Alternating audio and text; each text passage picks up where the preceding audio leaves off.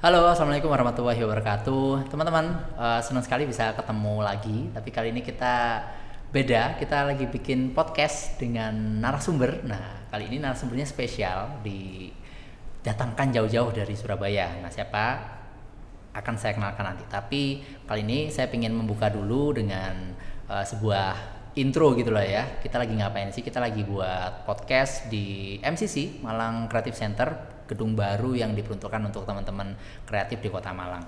Dan kali ini kita akan bahas uh, tentang sebuah topik yang bernama GDD. Nah, itu anak game biasanya udah denger lah ya. Nah, kita akan bahas, kita akan ulas dengan Mas Yusuf, nanti akan saya kenalkan juga dan harapannya kita bisa belajar bareng tentang industri game gitu ya dan juga bisa sama-sama sharing. Jadi yang nanti kami sampaikan biasanya terkait dengan experience atau pengalaman. Jadi kalau nanti teman-teman akan menemui sesuatu yang beda, jangan khawatir nggak apa-apa. Nanti bisa didiskusikan aja, bisa langsung komen di kolom chat YouTube nanti nanti akan kami share juga di YouTube dan harapannya kita bisa belajar bareng-bareng. Kita akan mulai. Ini adalah Let's Talk edisi pertama untuk seri game developer.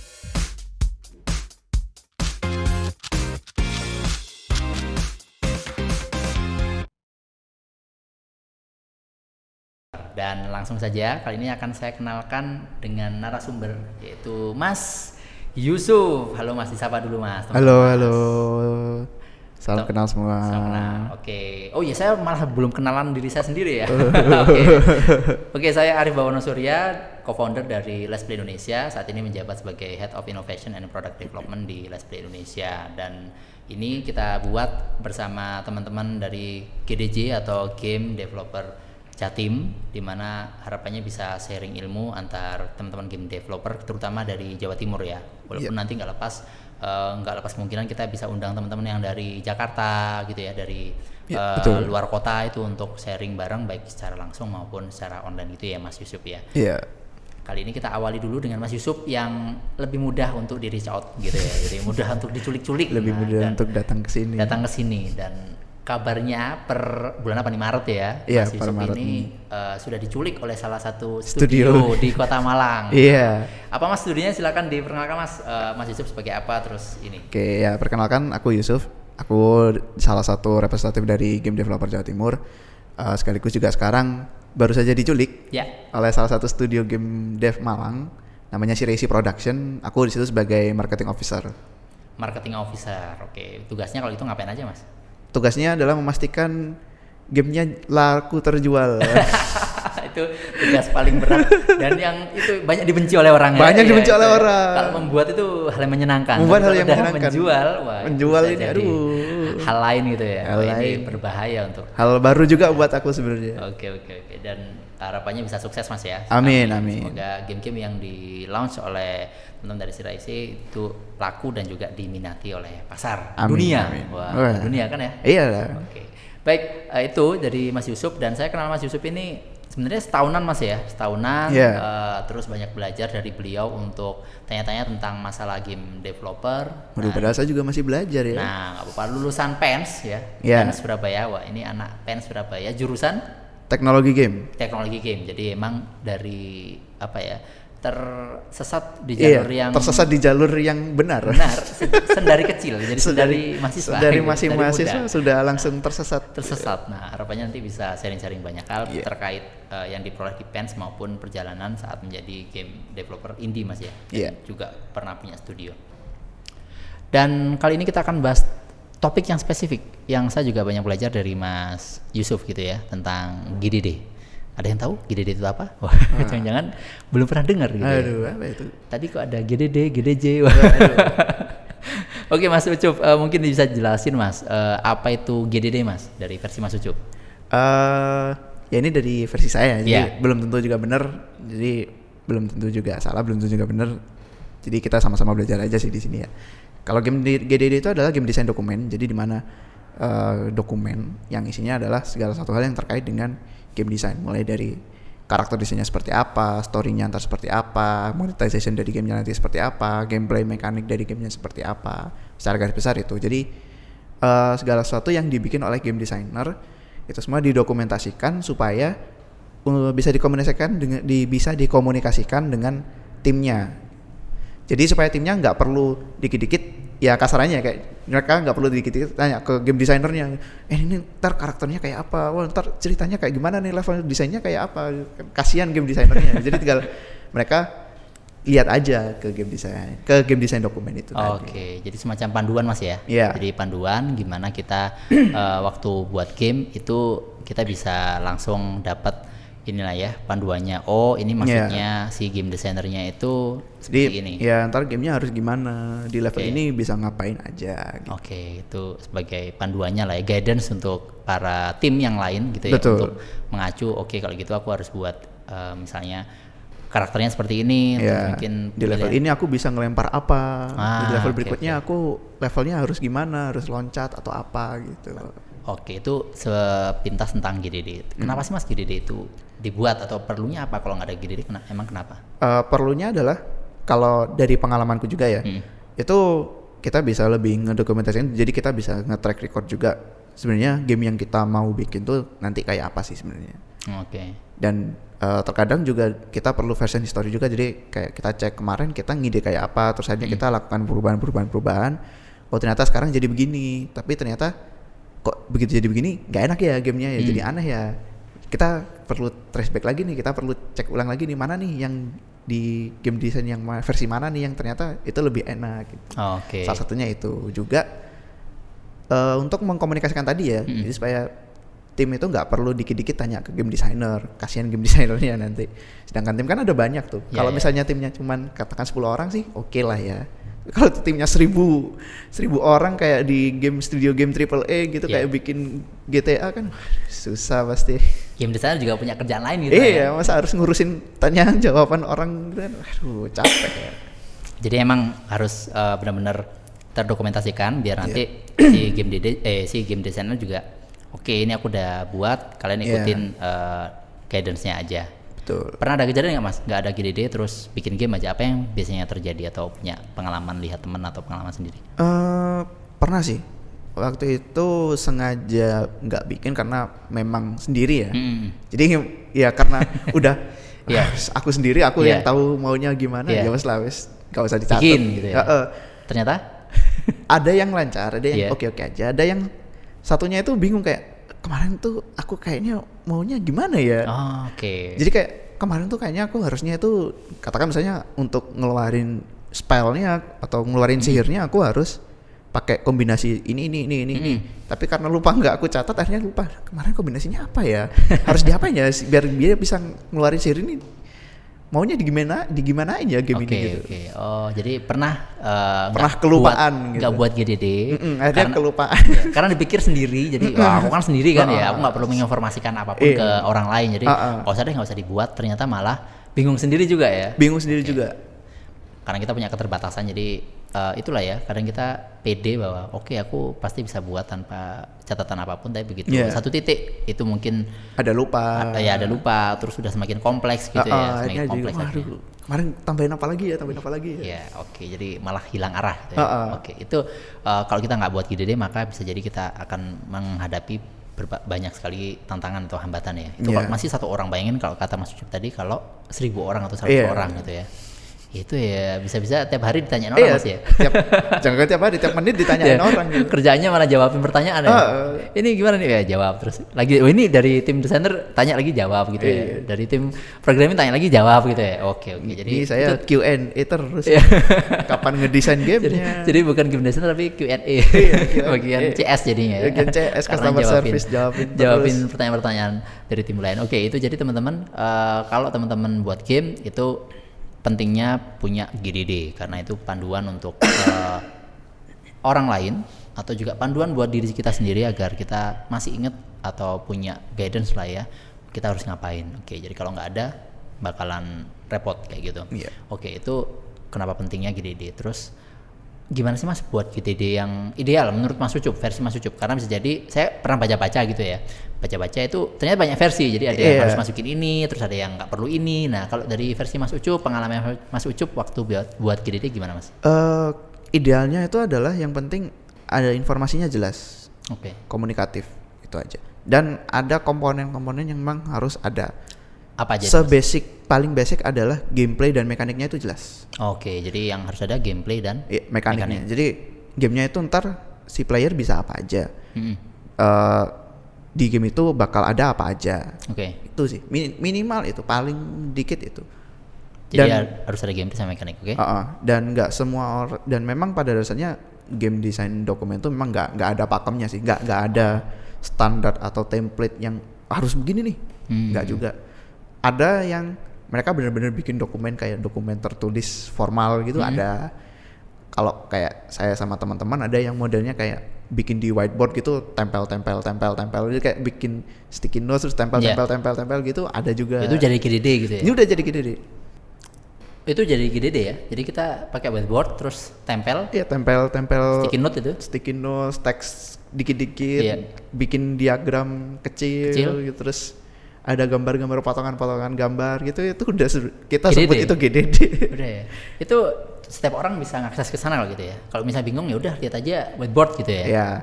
Ya memang kebetulan timku sendiri kan cuma tiga orang Hmm. ya dan kita memang tipe orang yang nggak bisa fokus gitu. Bikin Untuk- yang iya. ini ya. Untuk Oke. bikin yang formal kita harus baca itu kayak ah males gitu kan jadi akhirnya ya wes lah bikin Oke. yang kelihatannya semrawut tapi sebenarnya kita sama-sama paham. Udah tahu lah ya ah, maksudnya gimana. Maksudnya gimana? Kayak cuman diagram gitu misalnya, cuman kata-kata kayak survival, terus Mm-mm. world, Mm-mm. terus eh, apa? item interaction. Iya. Kita udah tahu itu itu maksudnya apa. Apa? Diagram dari tiga huruf itu kita tahu maksudnya. Dan itu waktu dikonfirmasi ke ini ya memang kayak gitu Ah, ya. iya, memang. Kebutuhannya memang itu Ah, gitu ya. ah. Oke, jadi itu teman-teman nggak masalah pakai whiteboard gitu ya. Iya. Terus nggak mesti harus buat uh, dokumen yang buku atau Iya, apa yang- bisa jadi pakai whiteboard. Cuma kalau pakai whiteboard misalnya ada yang nggak sengaja ngapus gitu gimana atau ke tiup angin gitu kan? Oh, bukan whiteboard beneran whiteboard ya, maksudnya kayak whiteboard digital. Oh, gitu. whiteboard digital. Whiteboard digital. Oke, jadi yang bisa di-share Ah, share ah. online. Oke, oke, oke. Maafkan, saya pikir tadi Iya. sticky notes, sticky notes Iya, kurang- kurang ya? jelas juga Iya, sih iya, nyampeinnya. oke. Tapi sebenarnya kalaupun pakai whiteboard yang uh, fisik nggak apa-apa ya. Gak apa-apa, boleh. Boleh aja ya. Boleh aja. Yang penting terdokumentasikan jelas lah. Intinya harus Oke. komunikatif. Oke, jadi sebenarnya kalau menurut Mas Yusuf sebenarnya nggak ada standar baku harus bagaimana, Iya. tapi yang jelas itu unsur basicnya yaitu gameplay dan mekanik itu harus ada harus muncul. Ya intinya jelas gamenya itu mulai game itu mulainya gimana, Mm-mm. terus apa yang terjadi selama proses game itu berjalan Mm-mm. dan tujuannya itu apa, end endnya Endnya. end conditionnya apa aja. itu yang Iya. harus jelas. Yang penting itu ya, itu udah jelas maka teman-teman bisa langsung eh, dapat panduan bahwa oke ini akan berjalan seperti ini, objektifnya apa, terus endnya apa gitu. Dan kalau itu udah terkomunikasikan sebenarnya udah nggak ada masalah. gitu Iya. ya. Oke, pernah dapat problem nggak sih mas atau tantangan saat membuat GDD? Tantangan terbesar itu apa sih waktu buat? eh tantangan terbesar untuk bikin GDD itu sebenarnya bukan GDD secara keseluruhan ya, tapi kayak per partnya gitu. Salah satu yang kalau aku dan timku lakukan tuh adalah salah satunya storyline tuh masuk di GDD juga. Oh, Oke, storyline itu apa mas? Mungkin ada yang eh intinya adalah jalan cerita dari game itu kayak apa sih? Kalau Oh, kalau apalagi kalau misalnya gamenya yang berat di naratif ya, storyline tuh penting banget. Nah, sedangkan aku sama teman-teman tuh memang gak ada basic story writer gitu. Mm. Jadi challenge-nya di situ. Selain itu juga yang kita masukin juga di GDD itu ada mood board, mood board, oke. mood board atau eh, istilah lainnya refer- art reference. Iya. Jadi referensi buat visualnya kayak Visualnya gimana. kayak gimana?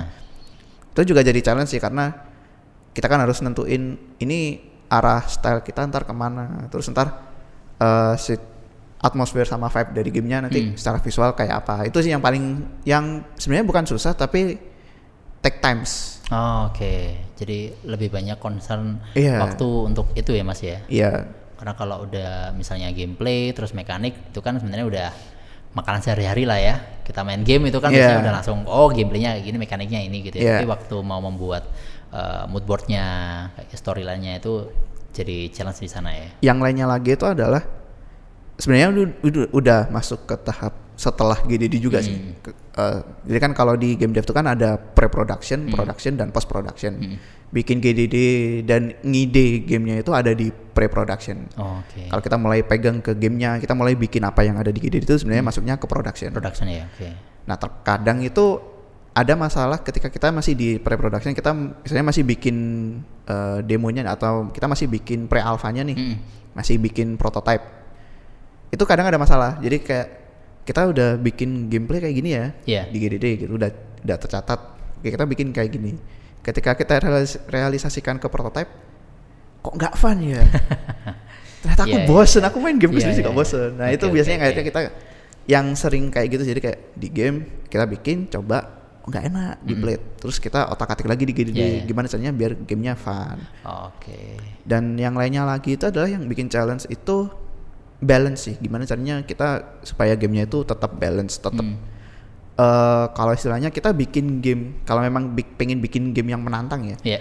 make it hard but don't make it punishing Oh. challenging but not punishing Iya, karena kalau kita main game yang punishing itu akan Iya, jadi ya. Ini aku mau cari sesuatu yang apa enjoyable gitu ya. Ternyata stressful Iya. malah ya. Walaupun di sisi satu lain ya Mas eh, apa namanya Yusuf juga pernah bilang bahwa fun itu bisa beda-beda tiap orang gitu ya. Betul. Nggak selalu harus senyum-senyum atau nggak selalu harus ketawa. Fun itu bisa jadi waktu kita accomplish something apa menyelesaikan sesuatu, fulfillment sesuatu itu oh kita nyelesain sesuatu nih. Nah, itu bisa fun juga Iya, ya. ketika kita menyelesaikan sesuatu, ketika kita merasakan suatu ekspresi itu, Hmm.